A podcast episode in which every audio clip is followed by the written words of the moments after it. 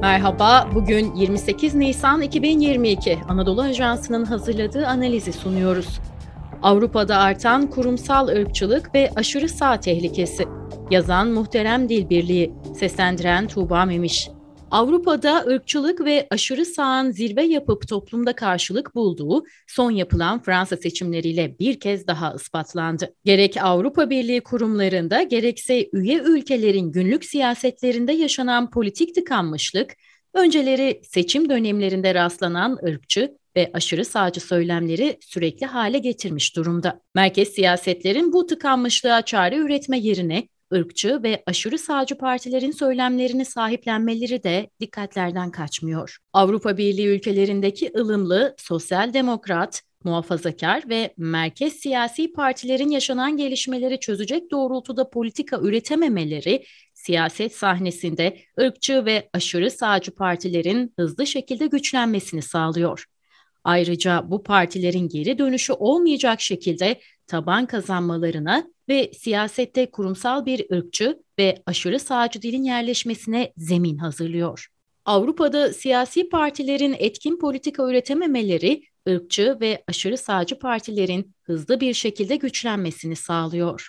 Siyasi hareketler ve kurumsal ırkçılık Avrupa'da aşırı sağın son zamanlarda güçlendiği ifade edilmekle birlikte bu hareketlerin esasında güçlü bir geçmişe sahip olduğu biliniyor. İkinci Dünya Savaşı öncesi yıllarda Avrupa'yı savaşa götüren sebeplerden biri de bu ırkçı ve aşırı sağcı hareketlerden kaynaklanıyordu. Günümüzde Fransa'dan Danimarka'ya, Almanya'dan İtalya'ya, Avrupa'nın merkezindeki pek çok ülkede aşırı sağcı ve ırkçı siyasi hareketler ya iktidarda ya iktidar ortağı ya da güçlü birer muhalefet partisi olarak parlamentolarda yer alıyor. Siyasi alandaki yerleşik aşırı sağ devlet kademelerinde de açıktan veya gizli aşırı sağcı yapılanmaların önünü açıyor. Farklı ülkelerdeki aşırı sağcı hareketler genelde ortak bir söylem birlikteliğiyle hareket ediyor. Burada ortaya çıkan üç ana başlık İslam düşmanlığı, göçmen yabancı düşmanlığı ve Avrupa Birliği karşıtlığı oluyor.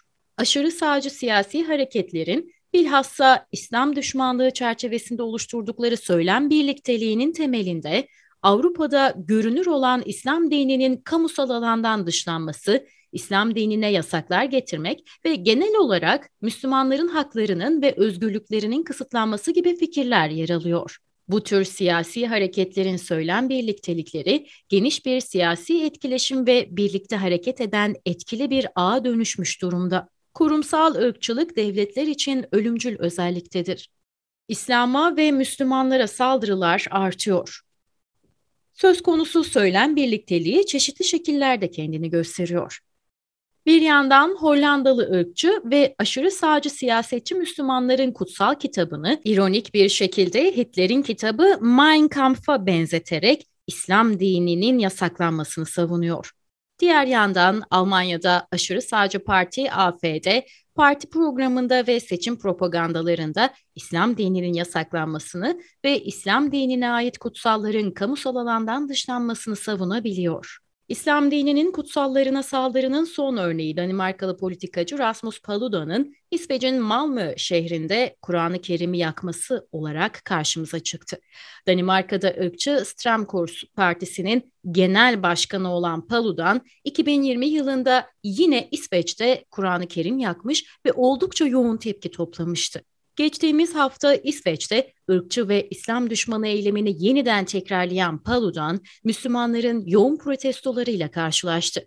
Protestolar İsveç'in bazı şehirlerinde kontrolden çıkarak şiddet eylemlerine dönüştü. Böylece Paluda'nın provokatif eylemi amacına ulaşmış oldu. Aşırı sağcı siyasi hareketler ve ırkçıların Müslüman düşmanı söylemlerinde amaçladıkları Müslümanların kutsallarına saldırıp onları provoke ederek mağdur fail ilişkisini tersine çevirmektir.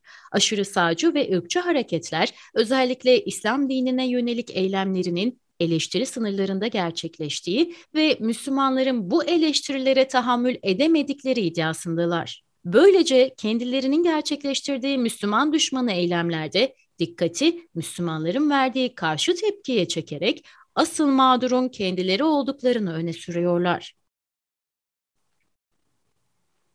Devlet kurumlarında ve güvenlik bürokrasisinde ırkçılık.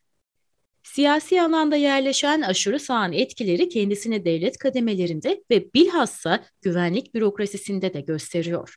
Siyasi alandaki yerleşik aşırı sağ, devlet kademelerinde de açıktan veya gizli olarak bir aşırı sağcı yapılanmanın da önünü açıyor. Aşırı sağ siyasi hareketler bu yapılanmaları bilinçli olarak destekliyor. Almanya örneğine baktığımızda NSU terör örgütünün ortaya çıkarılmasında güvenlik bürokrasisinde örgüte yardım eden, yaptıklarını görmezden gelen iç istihbarat birimleri çalışanları ve polislerin varlığı tespit edilmiştir. Daha sonra kurulan araştırma komisyonlarında NSU terör örgütünün faal olduğu eyaletlerdeki iç istihbarat birimlerinin örgütü takip etmelerine rağmen eylemlerinden haberdar olmadıkları iddiaları ortaya atılmıştı. NSO terör örgütü ortaya çıkarıldıktan sonra oluşturulan araştırma komisyonu raporlarında güvenlik bürokrasisinin bu örgüte yönelik çalışmalarının değerlendirilmesinde örgüt üyelerinin polisten kaçabilmeleri ve yer altına ilmelerindeki kurumsal sorumluluğa dikkat çekilmiştir. Bilhassa yanlış ve yerinde alınmayan kararların sürekliliği, standart uygulamalardan sapmalar, örgütle ilgili alınan yerinde tedbirlerin yine bilinçli bir şekilde sabote edildiği, terör örgütünün ortaya çıkarılmaması için uğraşıldığı tespitleri güvenlik bürokrasisinde kurumsal bir aşırı yapılanmanın varlığına bir işaret olarak okunmuştur. AFD gibi aşırı sağcı siyasi hareketlerin son yıllarda hedef seçmen kitlesine devlet çalışanlarını koyması ve devlet bürokrasisinde çalışanlar arasında organize olmaları dikkat çekiyor. AFD içerisindeki Flügel hareketinin lideri Björn Höcke'nin geçmiş yıllarda başta iç istihbarat birimleri çalışanlarına devamındaysa güvenlik bürokrasisi çalışanlarına yönelik olarak gerçekleştirdiği isyan, mevcut iktidarı takip etmeme ve direnme çağrıları aşırı sağ açısından gelinen tehlikenin kurumsal boyutunu ortaya koyuyor. Bilhassa Höcke'nin geçtiğimiz dönemlerde yaptığı çağrılarda Almanya'da mevcut hükümetin göçmen ve yabancılar politikasına yönelik tepkili olan güvenlik bürokrasisini kendi taraflarına çektiği düşünülüyor. Bugün Türkleri avlamaya gidiyoruz. Almanya'da AFD'nin çağrılarının karşılıksız kalmadığının en bilinen ispatı geçtiğimiz yıllarda özel asker ve polis birimlerinin kapatılmasında kendini gösterdi. 2020'de Alman ordusunda Özel Kuvvetler Birimi KSK'nın ikinci bölüğünün ve Hessen eyaletinde Özel Harekat Polis Birimi olan SEK'in kapatılmasının temelinde bu birimler içerisinde örgütlü hareket eden aşırı sağcı ve ırkçı yapılanmaların rehabilite edilemez bir duruma gelmesi sebep olarak gösterilmiştir. Askeri İstihbarat Dairesi MED'in araştırmalarına göre ordu içerisindeki aşırı sağcı şüpheli olayların arttığı ve edilmiştir.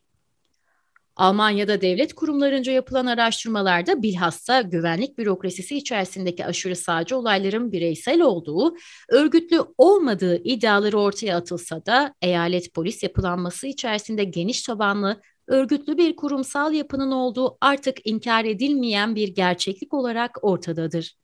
Geçtiğimiz yıllarda Bochum'daki Ruhr Üniversitesi akademisyenleri tarafından başlatılan geniş kapsamlı bağımsız bir araştırmada polis içerisindeki kurumsal ırkçılığın ve aşırı sağ yapılanmanın bilinenden daha örgütlü olduğu ortaya konmuştur. Aynı şekilde polis tarafından uygulanan orantısız şiddet olaylarında da arka planda ırkçı ve aşırı sağcı sayıklerin yattığı düşünülmektedir. Bochum Üniversitesi'nin geçmiş yıllarda yapmış olduğu araştırmada bazı polislerin açıkça bugün Türkleri avlamaya gidiyoruz diyerek devriyeye çıktıkları, açıkça Türkleri hedef alarak muhakkak işlem yapılacak bir sebep bulunduğu ifadeleri araştırma sonuçlarına yansımıştır. Polislerin göçmen kökenlileri sebepsiz yere durdurup kimlik sordukları, kontrol ettikleri, polis adayları arasında aşırı sağcı ve ırkçı yaklaşımlarından dolayı eğitim aşamasında atılan adayların gün geçtikçe arttığı biliniyor. Kurumsal ırkçılık ölümcüldür. Avrupa'da aşırı sağ ve ırkçı siyasetin güçlenmesinin en önemli sonucu kurumsal ırkçılık boyutuyla kendisini gösteriyor. Kurumsal ırkçılık devletler için ölümcül bir özellik taşıyor kurumsal ırkçılığın devlet ve güvenlik kurumlarında alan kazanmasının sonucunun ne olduğu NSU terör örgütüyle görülmüştür. Asıl görevleri insan haklarını güvence altına almak, kamu güvenliğini sağlayarak demokratik düzeni tesis etmek olan devlet kurumlarının bu görevlerinden sapmaları durumunda insan hakları ihlallerinin artacağı, ihlallerin cezasız kalmasınınsa aşırı sağ ve ırkçı şiddet olaylarını tetikleyeceği bir gerçektir. Kurumsal aşırılık boyutuyla kurumsal ırkçılık ve aşırı sağın yükselmesi hukuksuzluğun da yükselmesi demektir. Hukuksuzluğun yükselmesi ise devamında insan ölümlerini beraberinde getirir. Kurumsal ırkçılık ve aşırı sağ görünüş şekli itibarıyla fenomen olarak en tehlikeli olanıdır.